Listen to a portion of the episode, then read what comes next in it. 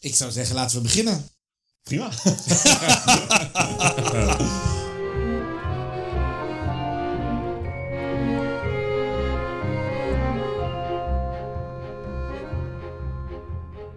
Privet. Welkom in de bibliotheek van Moeder Rusland. Naast mij zitten mijn kameraad uit de kooi en de tsaar van Charloes. Hier spreekt Apparatchik. Samen zijn wij de trojka die je meeneemt langs literaire helden van onze tijd en langs dode zielen. En ook al is onze kennis drassig als de taiga, onze verbeelding is als babushka's matroeskas, kleurrijk en gelaagd. Dus neem nog een glas. Dit is Kwas en Boeken.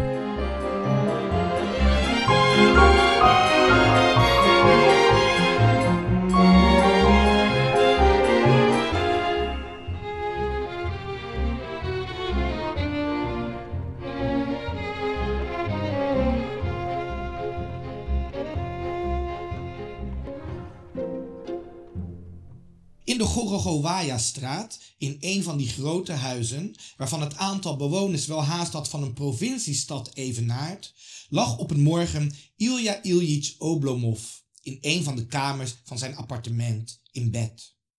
Oblomov was een man van een jaar of twee, 33, van middelbare lengte, met een innemend uiterlijk en donkergrijze ogen. Echter zonder een enkele markante gelaatstrek, zonder iets dat wees op een geconcentreerd denken. De gedachte dartelde over zijn gezicht als een vogeltje, wipte zijn ogen binnen, zette zich even op zijn half geopende lippen, verschool zich in de rimpels van zijn voorhoofd, om dan plotseling weer spoorloos te verdwijnen.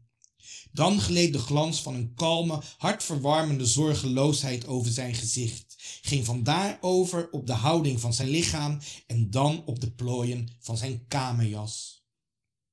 Welkom bij aflevering 8 van Kwas en Boeken, of zo u wil van aflevering 3 van seizoen 2. En vandaag bespreken wij het boek Oblomov van Ivan Go van Ivan Goranchuk. Dit blijft erin. Vandaag bespreken wij het boek Oblomov van Ivan Goncharov. In drie keer goed. De toon is gezet. Ja, Oblomov. Of zoals de Russen blijkbaar zeggen, Ablomov. Oblomov. Ja. Echt? Zijn dat de Russen of de Friesen die dat zeggen? Hey, maar voordat we dat boek induiken, misschien Ja. nog eerst andere dingen uitwisselen met elkaar. Zijn er nog dingen opgevallen in de afgelopen tijd? Er stond een heel groot stuk, onder andere eh, in het Algemeen Dagblad, eh, maar ook op andere sites, volgens mij ook in de NSC, over dat Odessa, de stad Odessa, op de werelderfgoedlijst eh, van UNESCO terecht is gekomen.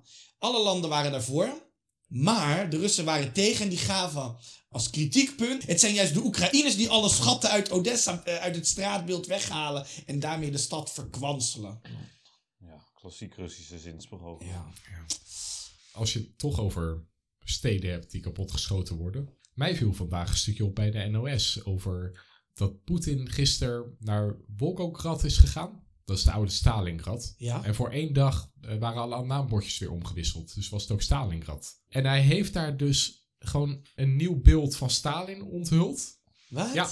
Het was een herdenking hè, van de slag op Stalingrad. Ja. Hij heeft ook gezegd dat als de inwoners van, Vol van Volgograd willen dat, ehm, dat de stad weer Stalingrad heet, dat hij het daar best mee, eh, mee in kan stemmen. Ja, het is echt, Helemaal hij, poepwous. Die mensen, Nou, die man is hij gaat gewoon klap van weer de molen gehad. een, een, een massamoordenaar vereren. Nee, niet zomaar En- een massamoordenaar. De, gewoon de, de grootste massamoordenaar uit de geschiedenis van de mensheid.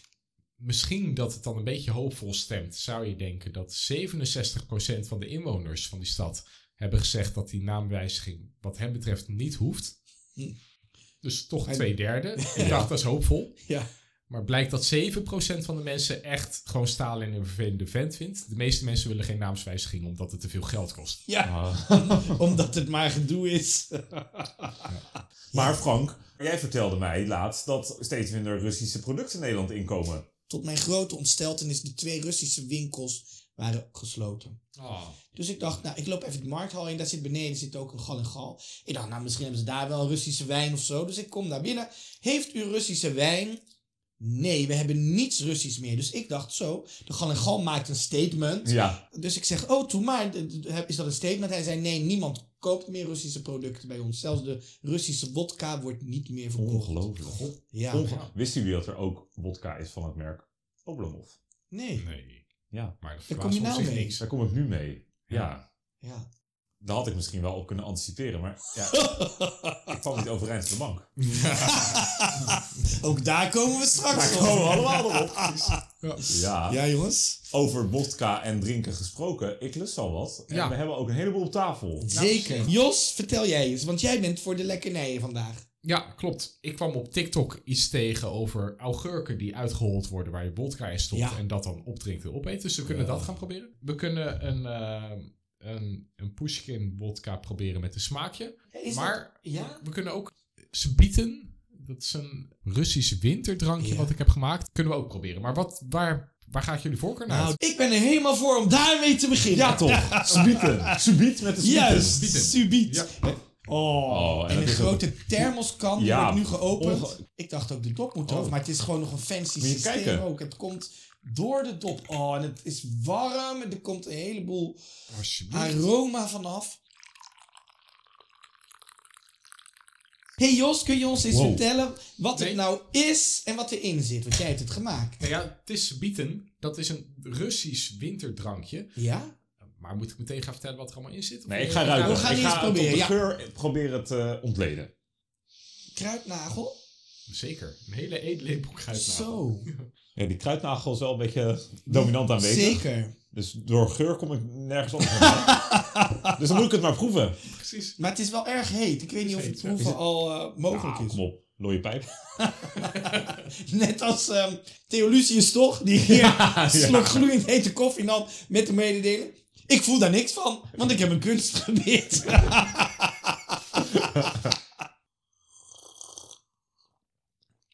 Dit is heel goed. Oh, dit is heerlijk.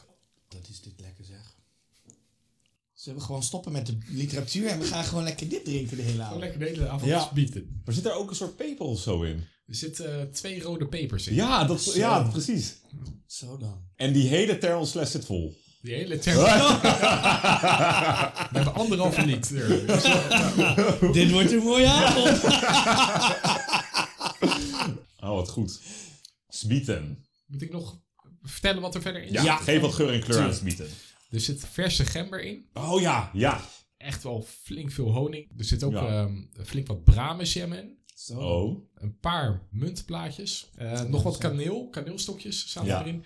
En een klein beetje nootmuskaat. Oké. Oh ja, en er zit dan natuurlijk water in. ehm, of wijn. Ik heb water en wijn.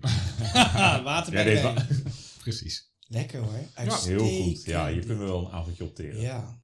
Nee, maar wat, wat hebben we allemaal nog op tafel? We hebben kwas op tafel. We hebben Ja. allerhande soorten wodka. ja, de Pierre Eh, Legrand is er nog. Precies. De. Pushkin wodka. Het- Ik krijg ook steeds meer het idee dat er zaken met elkaar gemixt moeten worden. Ja. Dat, de, de, de luisteraar staat nog een hoop te wachten, Ja. eh, deze aflevering. En dan Mag worden ik- gaandeweg wat onsamenhangender. Ja, ja, zoals altijd. Mag ik een voorstel doen? Ja. Ja. Nee, iedereen heeft nog gebieden. Dus daar kunnen we nog even mee door. Maar misschien dat we een introductie op de schrijver kunnen doen. En dan, ehm, voordat Nou. we dan naar het verhaal zelf gaan, dat we dan misschien nog even wat, eh wat aan drankjes me. proberen. Een uitstekend, uitstekend plan. Een introductie op de schrijver. Frank, vertel. Ik heb een korte introductie van eh, tien kantjes. Oei, oei, oei. Mag ik erbij eh, op de bank gaan liggen? Dat mag, eh Oblomov. Jos, dat mag Oblomov.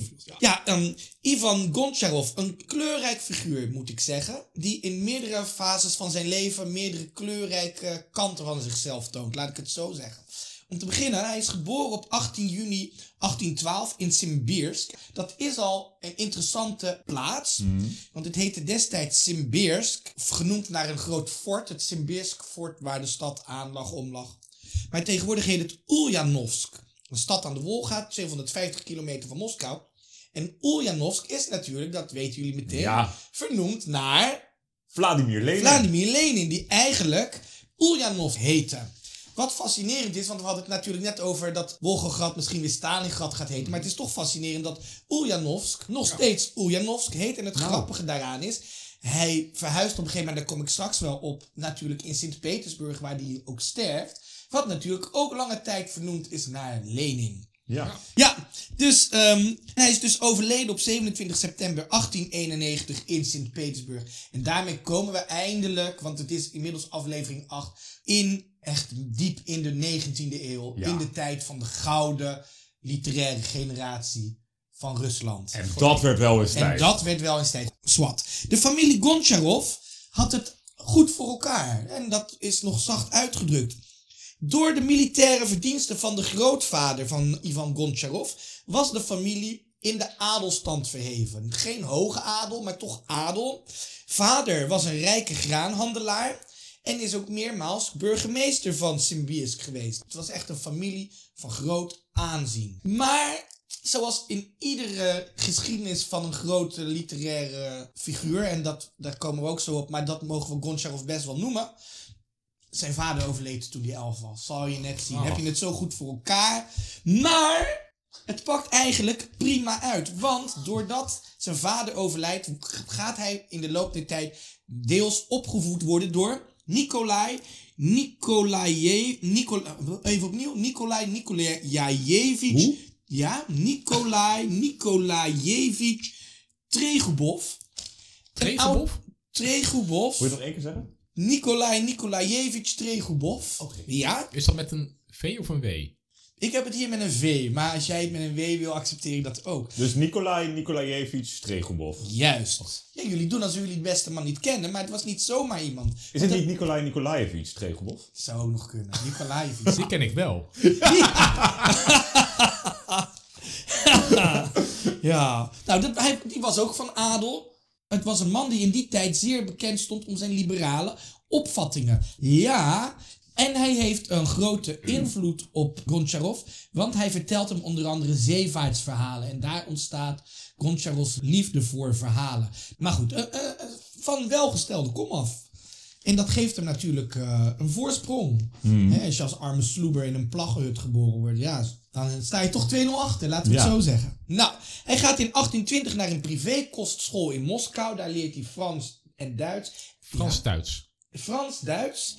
Ja, ja, ja. Het ging te snel, je m'appelle, ach je kent het wel. Grap, ik weet niet eens wat het betekent. Ze spreekt een beetje Frans, Frans, Duits, Duits, Frans, Frans, Ze spreekt een beetje Duits, Duits. Ze spreekt een beetje Frans en Duits, Duits. Frans. en Frans en Duits.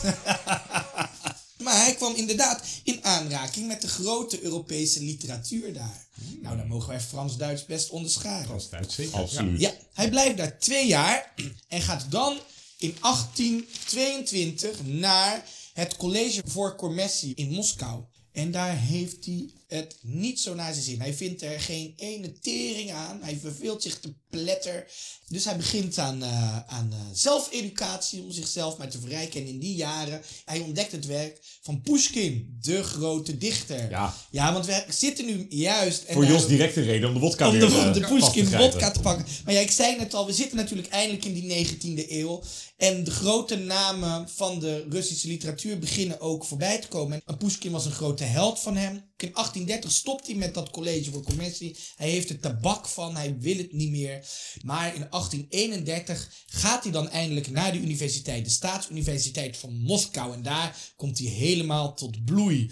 Hij ontmoet daar voor het eerst ook Pushkin, zijn grote literaire Oh ja? held. Het leven lacht hem toe. In 1834 studeert hij af. Ja, ja. In 1835 vertrekt hij naar Sint-Petersburg en wordt daar vertaler aan het ministerie van Financiën. En hij komt daar in aanraking met de familie Maikov. En rond die familie Maikov bevindt zich een belangrijke literaire kring. Waar onder andere Dostojevski bij hoort, Grigorovich. En hij begint zelf met het schrijven van gedichten, aangemoedigd door die familie. En Dostoevsky heeft, eh, heeft zeer lovende woorden over voor Goncharov. Tsjechov schijnt later ook te hebben gezegd: Het talent van Goncharov stak tien koppen boven dat van mij uit. Zijn talent. Nou, wanneer zijn eerste publicaties precies ontstaan is onduidelijk. Ook omdat er na zijn dood nog wat dingen zijn ontdekt die aan hem zijn toegeschreven. Kort voor zijn dood schijnt hij ook manuscripten, hele manuscripten te hebben verbrand. Hij werd totaal paranoïde, maar daar kom ik later op.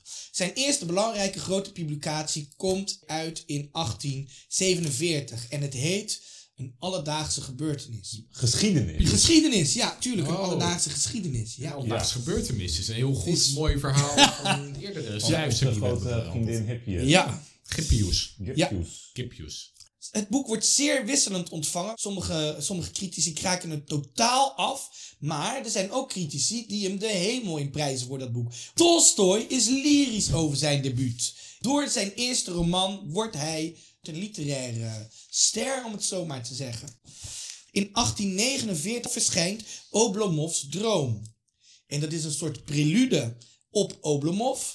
Wat ook in zijn geheel is opgenomen in de roman, maar daar komen we straks ook misschien op. Ook de prelude Oblomovs Droom wordt goed ontvangen.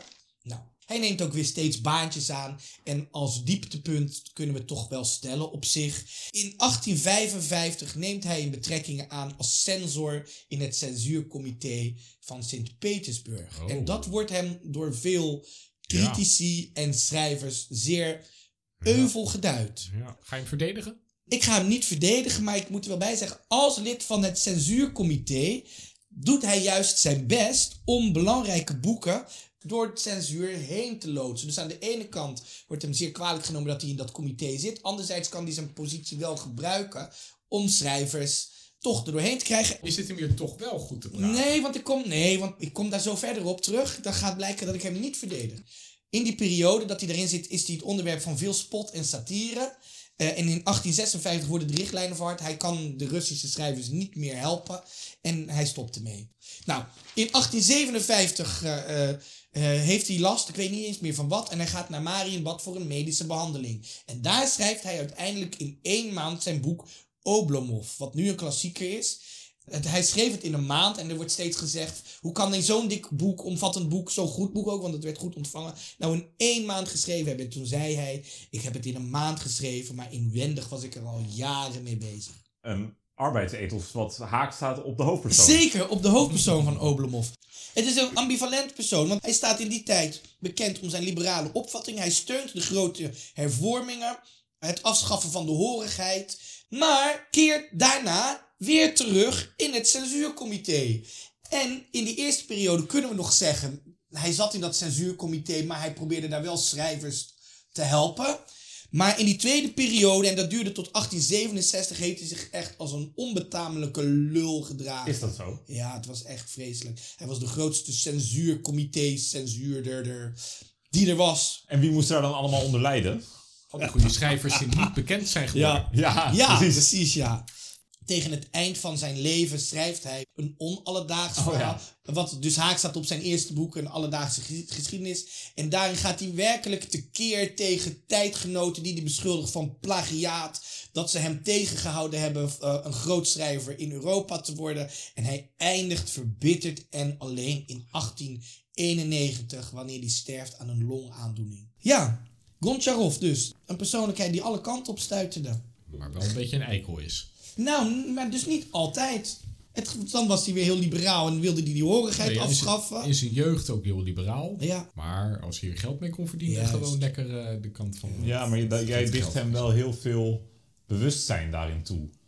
Het klinkt op mij meer manisch. Ja. ja. Met name dat paranoïde. Ik begreep dat onder andere Turgenev het met name moest ontgelden. Zou zomaar kunnen. Die ja. eh, was eh, keer op keer het slachtoffer van Goncharovs achterdochtigheid en zijn beweringen dat plagiaat werd gepleegd. ja. Zonder dat hij aanwijsbare voorbeelden kon noemen. Ja, Ik ben wel weer toe aan een drankje. Je mag ook best wat bieten erbij, maar zullen we ook een van de wodka's proberen? Ja, ben ik voor. Zo. Hop. Hop. Hoppakee, er Oh, komt nu... oh. eh, dit is toch geen vodka? Wat is dit? dit ziet Ja. eruit als limonadesiroop. Als fluoride. Zo, en zo ruikt het ook. Mijn god. Gat. En het ruikt naar... Ja. Kauwgomballen, gadverdamme. Ja, maar het ruikt ook een beetje naar komkommer. Proost. Ja, proost. Het is rood. Proost. Het is rood doorzichtig. Ja, het is als een soort rode limonadesiroop. Nou, gaan we proeven? Sterkte jongens. Oh, maar ik vind het niet vies. Oh, godverdomme. Wow. Eh, Zo is het. weet je wat ook de smaak is, Frank? Pas we Nee. proberen hier na te bootsen. Nee. Pushkin watermeloen. Ja, tuurlijk. Nou, dat was het woord wat ik zocht. Ja. Watermeloen. Nee, dat haal ik er wel uit nu het zegt. Hoewel, het smaakt meer naar Galia-meloen. Dan gaan we denk ik langzaam richting het boek. Nou, Ja, laten we het eens over dat boek hebben. Want we hebben nou een uitgebreide, uitgebreide beschrijving van het leven van Koncharov Ja. gehad. Ehm, Zeer compleet. zeer, zeer, kom- niks gemist. Bijna per jaar. nee, ik heb er erg van genoten. fijn. Dat is wel. al mijn werk niet voor niets geweest. Maar we hebben natuurlijk zijn, zijn beroemdste boek gelezen, Oblomov.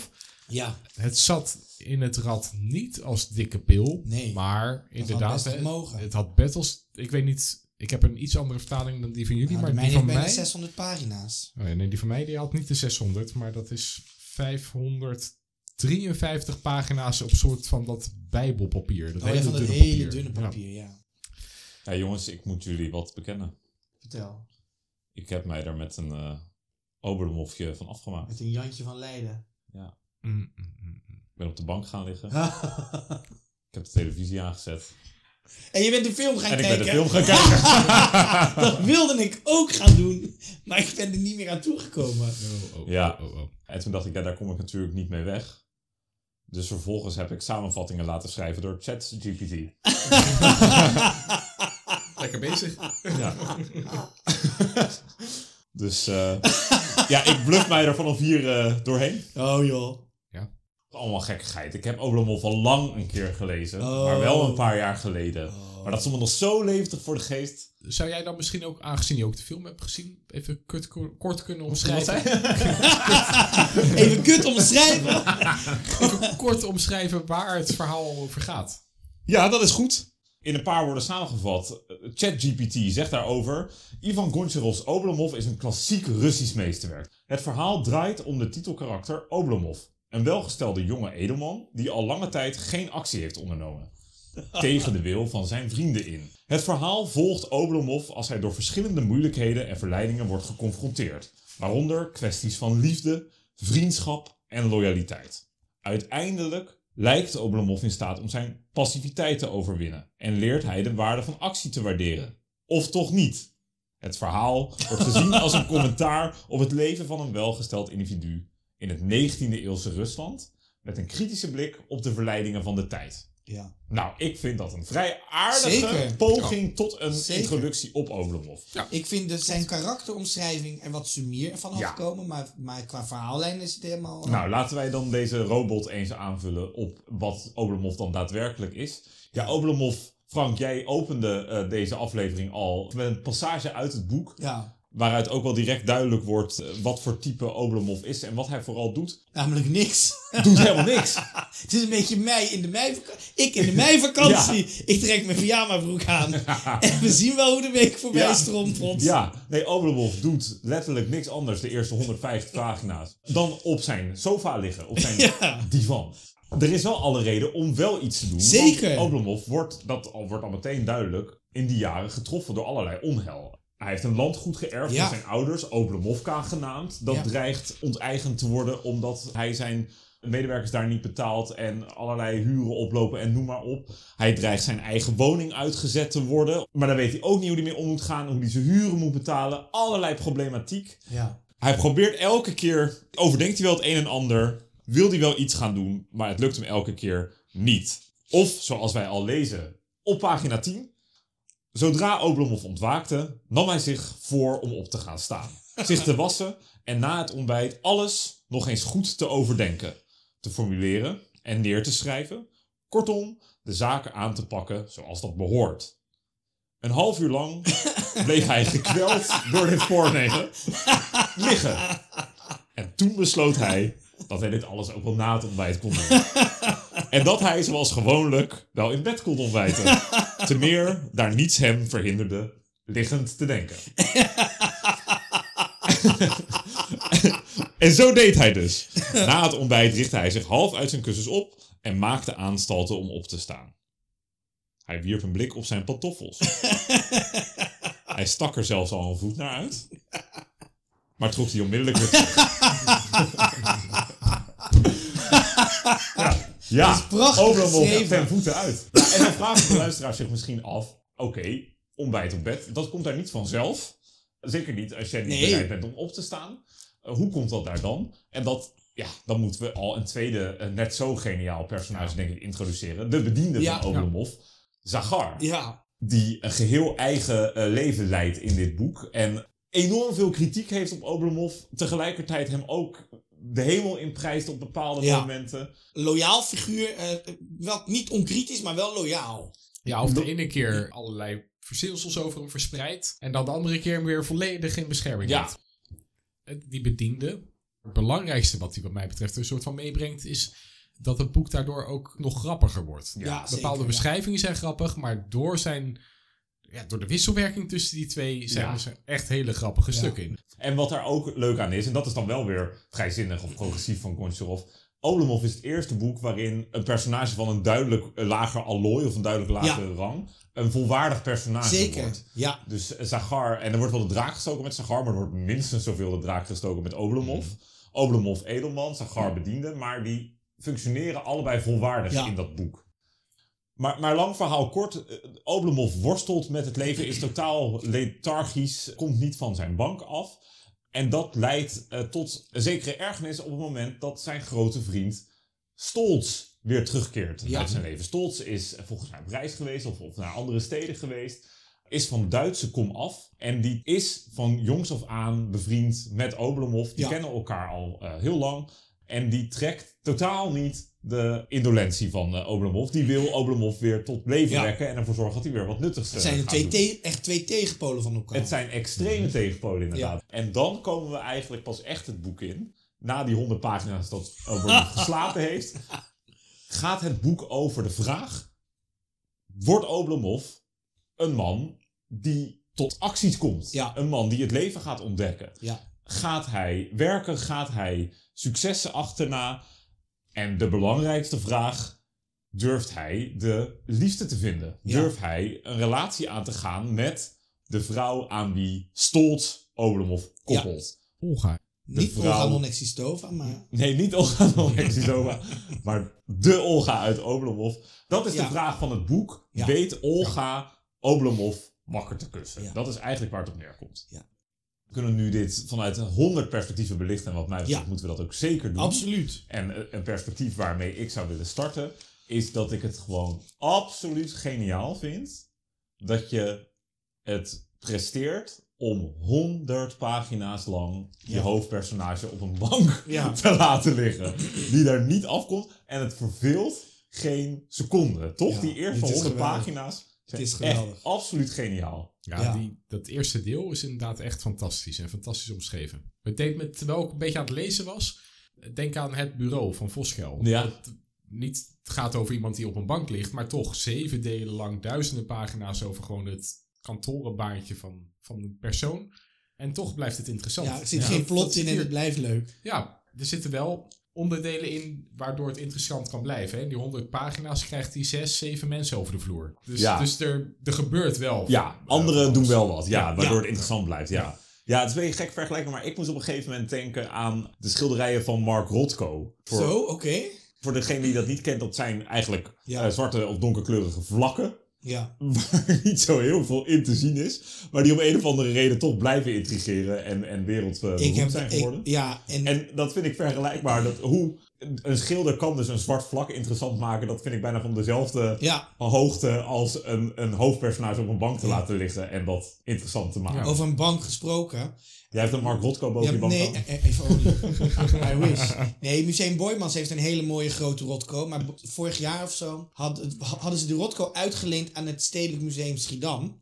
En daar hing het in een kleine zaal. En je, had- er was een tijdslot. En daar kon je dus eh, voor die Rotko gaan zitten op een bank. Ja. En daar kon je gewoon eindeloos in je eentje naar die Rotko gaan zitten kijken. Eindeloos. Nou, wel lang ja. Echt. En hoe heb je dat ervaren? Nee, ik ben niet geweest. Oh. Je kwam, je kwam zelf niet van de bank af. ik was zelf niet van de bank. Nee, ik wilde wel gaan, maar ja. Tja, terug naar het boek. Of doen we eerst een glaasje vodka? Ja, kan wel. En, en dan daarna is dat personage dus langslopen, stel je Ja. Er zit iets in deze fles. Het lijkt Ja. wel een stronk broccoli of zo. Wat is het? Bisongras. Oké. De man van de Galgal zei: Ik drink dit altijd met troebele appelsap erdoorheen. Nou, dan gaan wij dat ook doen. Ja. waarom wel- dronk hij dat met maak me troebele wel een beetje appelsap? zorgen over hem. Als hij blijkbaar bij ieder drankje zo ongeveer kan zeggen hoe hij het normaal gesproken Ja. drinkt. Maar Op jullie gezondheden. proost. Oh, nou. Prima. Wel lekker, ja. Een beetje appeltaartachtig. Ja, nou, daar zeg je wat. Ik wilde hier zo nog wel een, man. Dat kan, kan wel prima. Dan gaan we Het deze valt in de smaak. straks onder de tafel hier. Ja, maar ja, dat compenseert weer voor die aflevering die we helemaal zonder alcohol. Oh ja, dat, dat is precies. De personages. Er zitten Ja. heel veel personages in het boek. Ja. Maar Olemov hebben we al wel getypeerd. Stolz. Maar Ja. eentje die ik heel graag zou willen uitlichten. Ja? Alexeyev. Of heet hij wel Alexeyev? Ja, precies. Mag ik een stukje voorlezen? Tuurlijk. Ja, natuurlijk. Er trad een man van onbepaalde leeftijd binnen met een nietszeggend uiterlijk. Hij had dat aantal jaren bereikt waarbij het moeilijk te raden valt hoe oud iemand is. Hij was niet knap en niet lelijk, niet groot en niet klein van gestalte, niet blond en niet donker. De natuur had hem geen enkele kenmerkende, sprekende trek geschonken, geen goede en ook geen slechte. Sommigen noemden hem Ivan Ivanich, anderen Ivan Vasiljevich of Ivan Mikhailovich. Ook met zijn achternaam was men steeds in de war. Enkelen meenden dat hij Ivanov heette, anderen dachten dat het Vasiljev of Andreev was. En weer anderen Alexiev. Wanneer men iemand die hem voor het eerst zag zijn naam noemde, vergat deze hem ogenblikkelijk weer. Evenals zijn gezicht. Niemand schonk ooit enige aandacht aan zijn woorden. Zijn aanwezigheid droeg niets tot een gezelschap bij. Evenmin als zijn afwezigheid er iets aan ontnam. Aan zijn geest ontbrak alle scherpzinnigheid, originaliteit, elk persoonlijk kenmerk, zoals ook zijn uiterlijk iedere markante trek miste. Ja. Maar dit is een stijlfiguur die meerdere keren in het boek terugkomt. Mensen die ook, een, ook geoblomoviseerd Ja. zijn. Mensen die, ja, dit, dit wordt niet per se gezegd dat deze man niets nut is die niets doet. Maar het zijn wel steeds figuren die niet zich zijn. Precies. En Ja. in de, in de, dat is in de 19e eeuwse Russische literatuur. Komt dat veel voor en wordt, dit wordt de overbodige mens genoemd. Of de overbodige man. Ja, typisch voor die aristocratische milieus die beschreven worden. Die ambtenarenmilieus ook uit die 19e eeuw. Waar heel veel grijze types tussen zitten die nietzeggend zijn. Die blijkbaar heel herkenbaar zijn in hun nietzeggendheid uit die tijd. Eh, en die eh, moeten zorgen voor een komische noot in de, in de literatuur. En dat lukt toch eigenlijk altijd wel vrij aardig. Zeker deze Alexiev in Oblomov, die ook keer op keer, als hij weer terugkeert, even overbodig is als de allereerste keer dat hij een intrede doet. Iets verderop in het boek is hij ook nog gewoon in de kamer van Oblomov, toch? En dan komt Oblomov er vanzelf ineens achter. Hey, Ja, ja, dan zit hij in de kamer en niemand ziet hem. Ja, Ja. ja, ja. Maar bijvoorbeeld, wat, eh, dat zitten we wat verder in het boek. Maar dit, om even een voorbeeld te geven van meerdere passages die hierin. Op een gegeven moment gaat het bijvoorbeeld over zijn vader, de vader van Oblomov. Vader Oblomov nam van tijd tot tijd ook wel eens een boek ter hand. Het kon hem niet schelen wat. Het kwam niet in hem op dat lezen een wezenlijke behoefte zou kunnen zijn. Hij beschouwde het als een luxe waar je ook buiten kunt. Juist zoals je een schilderij aan de wand kunt hebben, maar evengoed ook niet. Of zoals je een wandeling kunt maken, maar ook evengoed kunt thuisblijven. Daarom was het hem ook om het even welk boek het was. Voor hem was het een middel ter verstrooiing wanneer hij landerig was Ja. en niets beters te doen had. Dit gaat ook weer over een man die, ja, ja. ik wil wel een boek lezen, maar ja, kan het ook laten. En, en het, het, het zal je ook niet verbazen dat Oblomov dat geërfd heeft en ook Ja. zelf heel moeizaam met boeken eh, eh, omging. Ik denk dat we dit de, de, de luisteraar wel kunnen wijsmaken. Er zit ontzettend veel humor in. Ja, enorm veel. inderdaad, bij tijd en bij hilarisch.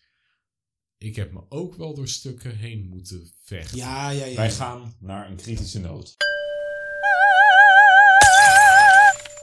En daarvoor is Jos aangeschoven. Jos, de kritische noot. Eh, de eerste 100, 150 bladzijden was echt fantastisch. En dan is er een stuk en dat heet Oblomov Stroom.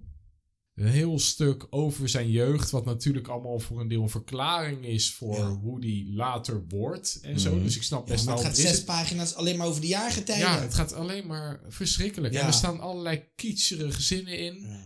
Ja. Als Oblomov zijn al jaren geleden gestorven moeder ziet, siddert hij in zijn slaap van vreugde en van innige liefde voor haar Onder zijn gesloten oogleden wellen twee hete tranen omhoog en blijven daar roerloos liggen. Ja.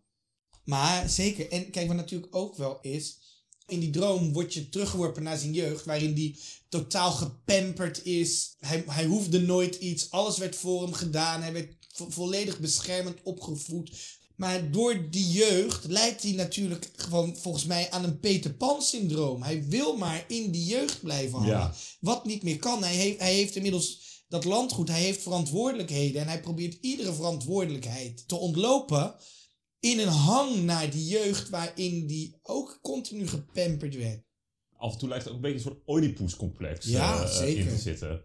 Tenminste, zeker als je dan later kijkt naar hoe hij met Olga omgaat. En eigenlijk niet tot iets komt met haar. Ja. Tot een zoen of wat dan ook. Terwijl zij dat heel graag wil. Ja, en als je dan in herinnering roept hoe hij naar zijn moeder kijkt. En wat die voor een rol in zijn leven heeft gespeeld. Ja. Ja, dan eh, gaat het toch wel een beetje richting Oedipus. Ja. Maar die kritische noot, het boek werd aan mij toch een beetje verkocht. 500 bladzijden, een dikke rust die niet van de bank afkomt. Ja. Dat is het niet. Nee, dat Nee. is het niet. Waar ik in ieder geval gewoon last van had, en dat kan ook aan mij liggen, maar is dat ik 150 bladzijden lees over een man die eigenlijk niks doet. En dat is een page turner. En dan gaat er 60 bladzijden Ja. over een jongen die wel Ja. allerlei dingen doet. En dat is langdradig. om Ja, te komen. ja, zegt dat iets. ja, maar ja, dus dat ja. stuk, die, dat is, het is bijna, vijf, tenminste in mijn boek, bijna 50 pagina's. Dat, dat Oblemovs droom is dus tien jaar eerder al als verhaal op zich gepubliceerd geweest. Dus het, wat mij voor de hand zou liggen, is dat hij zich in die tien jaar gewoon als schrijver ook ontwikkeld heeft. Is de rest van zijn schrijverschap gewoon verbeterd? Is zijn humor toegenomen? Want er zit heel veel humor in het boek. Er zit eigenlijk in dat Oblemovs droom zit bijna geen humor. Nee, ja. Wordt natuurlijk vaak samengevat als een komische lamlendeling. Ja. Maar is dat wel terecht? Is Nou. hij alleen maar een komische luiwammes? Nee, of jij is hij zegt meer dat. dan dat? Volgens Karel van het Reven, die natuurlijk een groot kenner van de Russische literatuur was, was Oblomov, en ik citeer, niet lui, maar hij vo- hij voelt grote weerzin om zich druk te maken over dingen waar iedereen zich al druk over maakt. Ja, ja. Ja, ik weet niet hoor of ik dat helemaal zo vind. Ik had het ook gelezen. Toch, als we het zo nog eens een keertje hierover hebben. Het is een man die niet eens zijn pantoffel aan kan trekken. Hij leest, hij leest niks. Hij leest niet alleen niet de krant omdat hij het nieuws niet wil meekrijgen of wat dan ook. Maar hij leest gewoon helemaal niks. Hij kan geen, geen woord op papier krijgen. Dat is niet meer je niet druk willen maken waar iedereen zich druk om maakt, maar dat is gewoon je, je vege lijf redden. Nou, maar ik wil wel één, één zaak weer spreken. Want waarin hij zich wel interesseert, zijn mensen. Ja, dat is waar. Hij wil wel graag met mensen praten. Hij is niet bereid om daarvoor van zijn bank af te komen. maar de enige die wel met Alexiev praat en hem ook daadwerkelijk Alexiev noemt, is Oblomov. Die stolt, die kijkt helemaal over hem heen. Die noemt hem de hele tijd verkeerd. Het is wel interessant wat je, wat je zegt inderdaad. Maar aan de andere kant kwam het op mij met zijn bezoek de hele tijd vooral ook gewoon egoïstisch over. Hij heeft misschien wel interesse in mensen, maar als die mensen aan hem vragen, ga gezellig met ons mee in een koets, daar en daar naartoe. Nee, dan, dan moet het allemaal niet. Die mensen moeten vooral naar hem toe. Ja, dat is, dat is ook wel weer zo. Maar hij wil zich gewoon niet vermoeien met allerlei wereldse zaken. Ja. Oblomov is volgens mij wel in de kern een goed karakter. Goed karakter. Die, die ook goed, ik wou zeggen goed wil doen, maar hij wil vooral niet zoveel doen. maar die wel goed wil. Ja, ja, Ja, ja. ja. Ja, alleen willen is niet genoeg. Nee. Nee, maar, nou, maar daar zit toch een zekere charme in. Want hij is in tegenstelling tot Stolz bijvoorbeeld gedreven niet bereid om in allerlei netwerken toe te treden. Ja, zeker. Om, om zichzelf te verlogenen, om succes te hebben. Hij ziet daar het Ja, niet van in. En ook, ehm Oblomov oordeelt niet. nee, dat oordeelt continu. Op het einde komt hij die dinges, die, die bediende tegen, heet hij ook alweer? Sagar. Eh, Sagar komt hij die tegen. En dan zegt hij, hoe heb je het zover kunnen laten komen? Schaam je je niet? Dat ik echt denk, dit is een, die man is een bedelaar geworden. Heb je dan niet een beetje compassie? Terwijl Oblomov heeft geen oordeel. Er zitten ook echt wel elementen in het personage Oblomov... die eigenlijk bij tweede lezing misschien meer te bewieroken zijn dan je zou denken. Ja. En ja, ik zou niemand aanraden om volledig het levenspad van Oblomov te volgen. Maar een aantal zaken kun je best overnemen. Af en toe een poosje, ja, toch? Ja. En dat brengt ons misschien wel bij de vraag... Oblomov, Stolz of Sagar? Op welk personage lijkt je zelf het meest? Zo, dat is een goede vraag. Nou, Zo. dat is voor mij niet zo moeilijk. Ik lijk zelf het meest op Oblomov. het is dat ik een baan heb tegenwoordig en mijn bed uit moet. Ja. Maar als ik vakantie heb. Kijk, er is in zover een groot verschil met mij. Als ik, ik kan me heel goed thuis vermaken met niets doen. Maar ik ga, wel, ik ga wel boek lezen. Ik ga wel Netflix kijken. Ik ga wel online een potje zitten schaken. Dus niet, het is Ik vind niet het wel zo... mooi hoe jij van Netflix kijken een nuttige bezigheid Nou te ja, maar, nee, maar ik bedoel, Oblomov doet niets. Nee, maar dat was toch geen Netflix? Oblomov ging geen eens Netflix Nee. Ik kijken. durf te wedden als we over onze tijd leven. in de coronatijd, ik had een joggingbroek en op een gegeven moment zaten we, was het drieënhalve week verder of zo. Toen dacht ik, misschien moet ik die joggingbroek eens een keer in de was gooien. Ja, dus ik voel me zeer verwant wel met Oké, Oblomov. oké, Oblomov. En oké, als Frank Oblomov is, Jos, welk personage is op jou het meest van toepassing? Nee, als het dan toch van die drie personen moet afhangen, dan denk ik Stolz. Oblomov sowieso niet. Dat, ik zou dat echt, echt niet kunnen. Hartstikke leuk om over te lezen. Ja, Sagar is gewoon, is een, is een, komt inderdaad ook niet tot veel. Heel onhandig. Ja, hij laat uit de dingen vallen. Ja, hij maakt alles kapot. En als hij dan twee glazen laat vallen, dan smijt, smijt hij maar het hele dienblad. Ja, wel helpt. Zo'n baas inderdaad. Nee, ik denk dat ik me dan nog het beste herken in, in een bepaalde eh, discipline en, en hard werken. Ja, dat, dat, jullie typeringen van, van jezelf had ik ook zo bedacht. En ik, ik zat met mezelf een beetje te worstelen. En kwam toen tot de trieste conclusie dat ik denk ik het nog het meest op lijk. en dat... Laat ik de andere even afgaan. Ik herken heel veel van mezelf in Oblomov. Maar dat zullen anderen denk ik niet zo snel in mij herkennen. Want die zien mij bezig. Maar ik kan ook heel erg inert zijn. En ook heel erg allerlei romantische ideeën hebben. Die ik niet tot uitvoering kan brengen. Dus dat is wel heel erg Oblomov. Maar goed, heel veel mensen zien mij meer st- stolzerig, Ja. denk ik. Ja. Nou ja, dat dat ik in ieder geval dingen doe Ja. en onderneem en op Ja. pad ga, weet ik wat allemaal. Toen dacht ik, ja nee, maar eigenlijk ben ik denk ik nog het meest Sagar, want Sagar doet wel dingen, maar doet natuurlijk ook heel veel dingen niet helemaal goed. En Sagar kankert vooral gewoon heel veel. Daar herken jij jezelf. daar herken ik mezelf wel in. Ja, ik eh, ben de tragicomische bok van ons drie. Nou, maar daar kom je best mee weg. Dat is niet erg. ja, Ja. goed. En nu mooie zinnen. Ja. Waar is dan tijd voor, Frank? Het zinnenspel.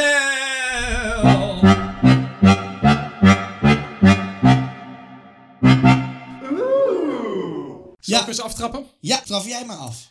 Een bediende bood hem, Oblomov, een kop thee aan en hield hem een schaal krakelingen voor. Hij wilde zijn verlegenheid overwinnen, zich ongedwongen gedragen en door die ongedwongenheid nam hij een zo grote hoeveelheid koekjes, biscuits en krakelingen dat het jonge meisje naast hem het uitproestte.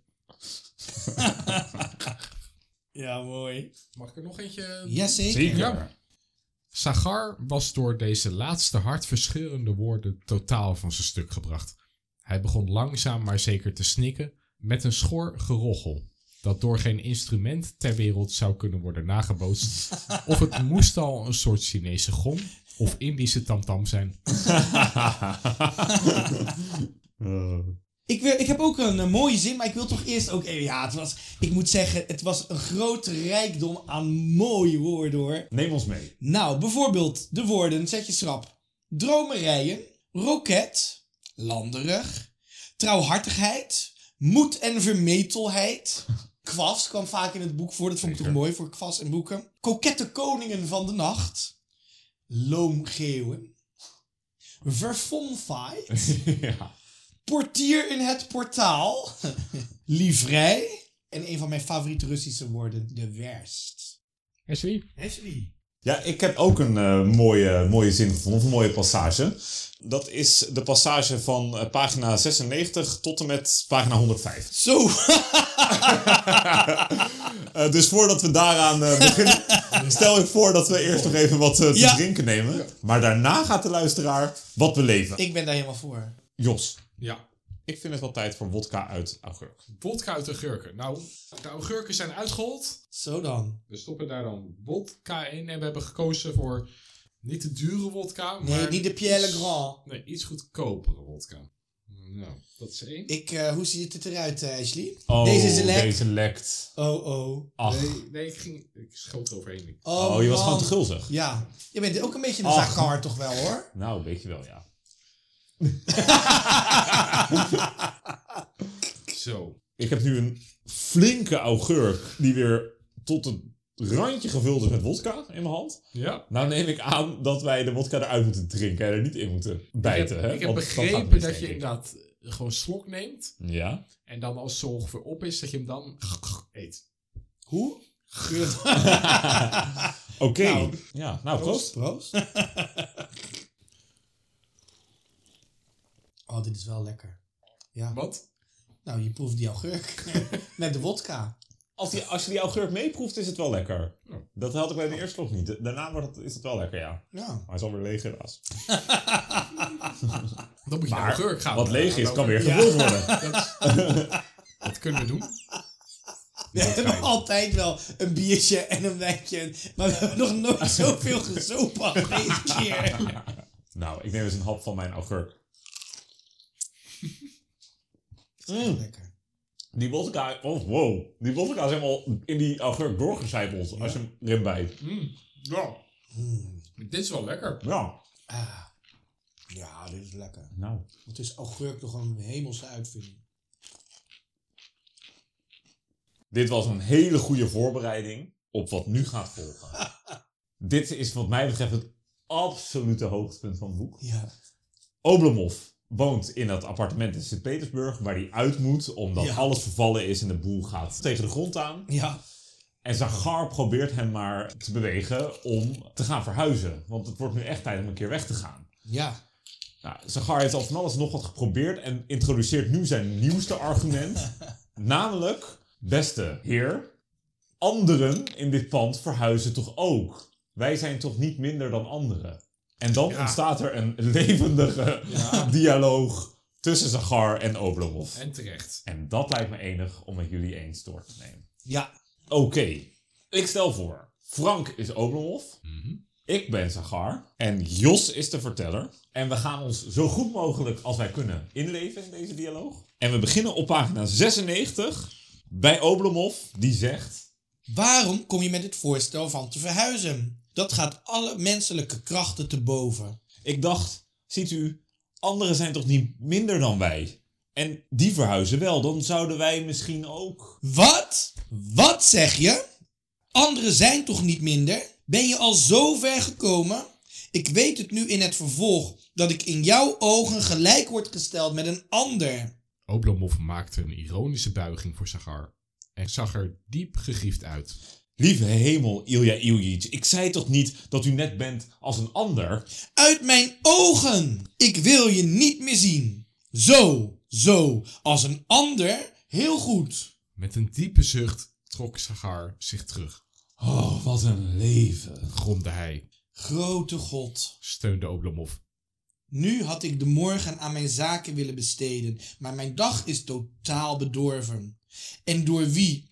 Door mijn eigen trouwe, toegewijde bediende. Wat heeft hij gezegd? Hoe kon hij? Dit alles kwetste Oblomovs eigen liefde. En hij besloot dus Sagar het verschil duidelijk te maken dat er bestond tussen hem en degene die Sagar met het woord anderen had aangeduid. Zagar! Toen Zagar dit hoorde, sprong hij niet als gewoonlijk met een plof op de grond en hij gromde niet. Hij liet zich langzaam van de kachelbank glijden en liep overal tegenaan stotend, stil en onwillig naar de kamer, als een hond die aan de stem van zijn baas hoort dat zijn misdrijf ontdekt is en hij ter verantwoording wordt geroepen. Sagar opende de deur op een kier, maar kon niet besluiten naar binnen te gaan. Kom in de kamer. De deur ging licht en gemakkelijk open, maar Sagar deed alsof hij er niet door kon komen. Hij stak alleen zijn hoofd om de hoek. Kom hier. Dichterbij. Sagar maakte een schijnbeweging, schokte even heen en weer, stampte met zijn voet, maar hij bleef waar hij was. Hij bleef strak naar links kijken, naar de andere kant, en daar zag hij iets wat hem al heel lang vertrouwd was. De guirlande van spinrag rond de schilderijen en in de spin het levend bewijs van zijn nalatigheid. Zagar. sprak Ilja Iljits op zachte, waardige toon. Sagar gaf geen antwoord. Sagar, zeg eens, hoe voel je je? Niet zo heel prettig, hè? Begrijp je wat je voor verkeerds hebt gedaan? Maar, Ilja Iljitsch, Begon Sagar, de laagste toon van zijn register gebruikend. ik heb niets gezegd. Ik, ik zei alleen... Nee, stil eens. Begrijp je wat je gedaan hebt? Vooruit, zet het glas op tafel en antwoord. Sagar antwoordde niet. Het was hem een raadsel wat hij misdaan had, maar dat verhinderde hem niet zijn heer vol eerbied aan te zien. Jij zou geen venijnige vent zijn? Je hebt je heer verdriet gedaan. Waarmee heb ik u dan verdriet gedaan, Ilja Iljitsch? Vroeg hij bijna huilend. Waarmee? Heb je er wel over nagedacht wat een ander eigenlijk is? Zal ik het eens vertellen? Die ander waar jij het over had, is een ellendige armoedzaaier. Een lompe en onontwikkelde vent die op een smerige, armzalige zolder huist en soms net zo lekker op een hoop lompen op een binnenplaats slaapt. Wat kan hem overkomen? Immers niets. Hij peuzelt een aardappeltje of eens een haring op. Honger en gebrek jagen hem van hier naar daar en hij draaft dag en nacht. Goed, hij verhuist naar een nieuwe woning. Jagayev bijvoorbeeld, die neemt zijn meetlat onder de arm, pakt zijn twee hemden in zijn zakdoek en vertreft. Waar ga je heen? vragen ze hem. Oh, ik verhuis, zegt hij. Zie je, dat is nu een ander. En ben ik volgens jou nu net zo? Sagar keek naar zijn meester, schoof onrustig met zijn voeten en zweeg. Wat is een ander? Een ander is iemand die zijn eigen schoenen poetst, zichzelf aankleedt en ook al ziet hij er soms als een heer uit, dan nog is hij het niet. Hij weet niet eens wat het is personeel te hebben. Hij heeft niemand om een boodschap voor hem te doen. Hij moet overal zelf achteraan. Hij pookt zelfs zijn eigen kachel en neemt zelf stof af. Besef goed hoe het leven van een ander is. Een ander werkt, sjouwt en slooft zonder ophouden. Als hij niet werkt, heeft hij niets te eten. Een ander buigt als een knipmes, vraagt en vernedert zich. Doe ik dat? Nu, zeg het zelf. Ben ik als een ander? Ach, meneer, plaagt u me toch niet met die vreselijke woorden? Ik net als een ander? Ach, Heer in de hemel. Maak ik me druk? Werk ik? Eet ik weinig? Zie ik er uitgemergeld en meelijwekkend uit? Ontbreekt het mij soms aan iets? Ik heb toch zeker veel mensen aan wie ik wat opdragen kan. Nog nooit in mijn leven heb ik zelf een kous aangetrokken. Godzijdank. Hoe is het in hemelsnaam in je opgekomen mij met anderen te vergelijken? Sagar had nu elk vermogen verloren Oblomovs woorden te begrijpen, maar zijn lippen waren opgeblazen van innerlijke emotie. Hij zweeg. Sagar, geef me nog wat kwas. Sagar bracht de kwas en toen Ilja Iljits hem het glas leeg teruggaf, wilde hij haastig de kamer verlaten. Nee, nee, nee, wacht even. Ik vraag je nog eens. Hoe heb je mij zo bitter kunnen grieven? Je meester, die je als een kind op de arm hebt gedragen, die je je leven lang hebt gediend en die toch je weldoener is. Sagar hield het niet langer vol. Het woord weldoener brak zijn laatste weerstand. Vergeeft u me, Ilja Iljitsch? Begon hij met een heese, berouwvolle stem. En ik sloof me nog wel dag en nacht uit. Nachtenlang slaap ik niet, woel ik heen en weer. Denk ik hoe ik het het beste zou kunnen doen. En voor wie doe ik dat? Ja, voor wie? Allemaal voor jullie, voor de boeren en dus ook voor jou. Jij denkt misschien, als je ziet hoe ik de dekens over mijn hoofd heb getrokken, dat ik als een blok lig te slapen. Nee, dan slaap ik niet. Dan denk ik er diep over na hoe mijn boeren niets tekort zullen komen. Jullie ondankbaren. Maar meneer dan toch, Ilja Iljitsch, houdt u toch op. Hoe komt u erbij? De Heer zij met u. Ach, heilige moeder gods, wat een onvermachte, onvermoede ellende. En jij? Jij moest je schamen dat je zoiets zegt. Welk een slang heb ik aan mijn borst gekoesterd. Een slang? riep Sagar uit en hij sloeg zijn handen ineen en kreunde zo luid dat het was alsof er minstens twee dozijn kevers de kamer binnensnoorden. Wanneer heb ik het dan over een slang gehad? Vroeg hij tussen zijn snikken door. Ik droom zelfs nooit van zo'n heidensbeest. Geen van beiden begreep de ander meer en tenslotte begrepen ze ook zichzelf niet langer. Hoe heeft het toch ooit over je lippen kunnen komen? En ik had je in mijn plan nog wel een eigen huis toegedacht. Een moestuin, een aandeel in de oogst en een vast salaris. En nog heeft hij het over die andere. Dat is mijn beloning. Je hebt wel ontzag voor je heer. Kom, je kunt nu wel gaan. Of nee, wacht. Geef me nog wat kwast. Mijn keel is uitgedroogd. Dat had je zelf moeten bedenken. Je hoort toch dat ik hees ben? Zover is het al met je gekomen. Ik hoop dat je je fout hebt ingezien. En dat je in het vervolg je hier niet meer met een ander zult vergelijken. En dan ga ik nu een ogenblik liggen. Want ik kan niet meer. Stikte je maar, bosduivel. Ja, een bosduivel is het. Een eigen huis, een moestuin, een salaris. Wat kan hij toch al verschrikkelijke dingen zeggen? En salaris. Als ik geen centen en geen stuivers weggapte, zou ik niet eens tabak kunnen kopen. Niet eens een vriend dat kunnen aanbieden. Je kunt naar de duivel lopen. Oh, dat ik nou nog niet dood ben. Tot hier. mooi. We zouden gewoon hoorspelen moeten gaan doen. Het is tijd voor een beoordeling. Ja. Oblomov. Hoeveel glaasjes wodka geeft Frank? Ik vind het echt een goed boek. Ik vind het heel grappig. Ik neig naar 4,5. Ja, het was goed. De hele stukken waren heel goed. Maar Oblomovs droom haalt minimaal één vodka glaasje ervan af. Een Minimaal één. een heel minimaal één. Mijn god. Zo. Minimaal één vodka glas ervan af. Ik vond dat echt een heel vervelend slecht stuk. Dus ik denk dat ik op vier vodka glaasjes kom. Vier. Ja, Jos, ik ben het wel met je eens dat Oberlemon's droom niet per se het hoogtepunt is van het boek. Maar dat neemt niet weg dat het boek zelf zo vernieuwend is, zo geniaal in zijn opzet, zo grappig en zo vaak zo lang zo grappig, dat ik niet anders kan dan uitkomen op zes vodka glaasjes. Wat? Nee, dat kan niet. Nee, nee, nee. nee, nee. Ja, Vijf- ik zet mijn bonus vodka glas in. Nee, nee. Al moet ik ze alle zes Dat opdrinken. verzin je nu ter plekke. Ja. Nee, nee, Jawel. nee, nee, nee. Nee, Ja. zo zijn we niet getrouwd, Ashley. Dan houdt het hierop. Nou, we hebben toch mooi acht afleveringen volgemaakt. Wat mij betreft mag je zeggen dat zes vodka glaasjes is. zeg maar. Maar als ik dan de telling bij elkaar doe en in de officiële telling zijn het dan toch gewoon vijf, komt dan dit boek op 4,5 vodka glas uit. 4,5 vodka glas, lees 5 voor Oblomov van Ivan Gortsarov. Tijd voor het volgende boek. Tijd voor Russisch roulette. Yes. Suggesties. De dood van Ivan Ilyich van Tolstoy. Ja, vind ik mooi. Zeker Ashley die is daar wel fan van. Nou, begreep ik ook. Het rad is weer helemaal aangevuld. Tolstoy met de dood van Ivan Ilyich is de nieuwste parel aan deze ketting.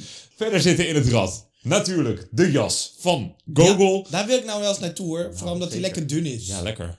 De kapiteinsdochter van Ja. Pushkin. Ja, leuk. De rij van Sorokin. Ja. De verjaardag van Pavlov. En dan de dikke pil. Nog altijd de gebroeders Ja. Karamazov. Maar weet je wat me wel be- begint op te vallen? We zitten inmiddels wel in een rad vol klassiekers. Een rad vol klassiekers, dat zeg jij mooi. Ja, alleen Pavlov denk ik niet. Ja.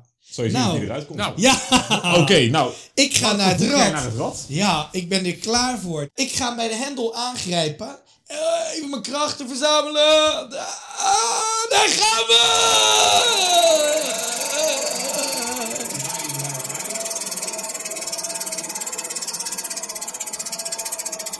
gebeurt er.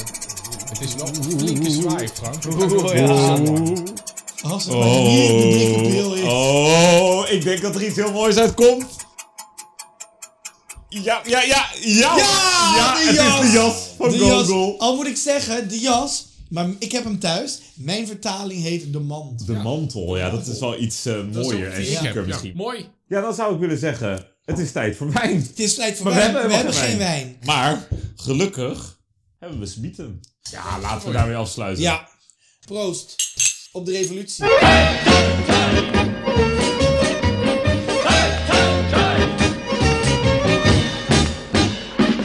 Hij is nog steeds heel lekker. Ja, heerlijk. Oh, kruidig. Lekker, volgende keer ook maar weer de samen aan. jongens. Ja.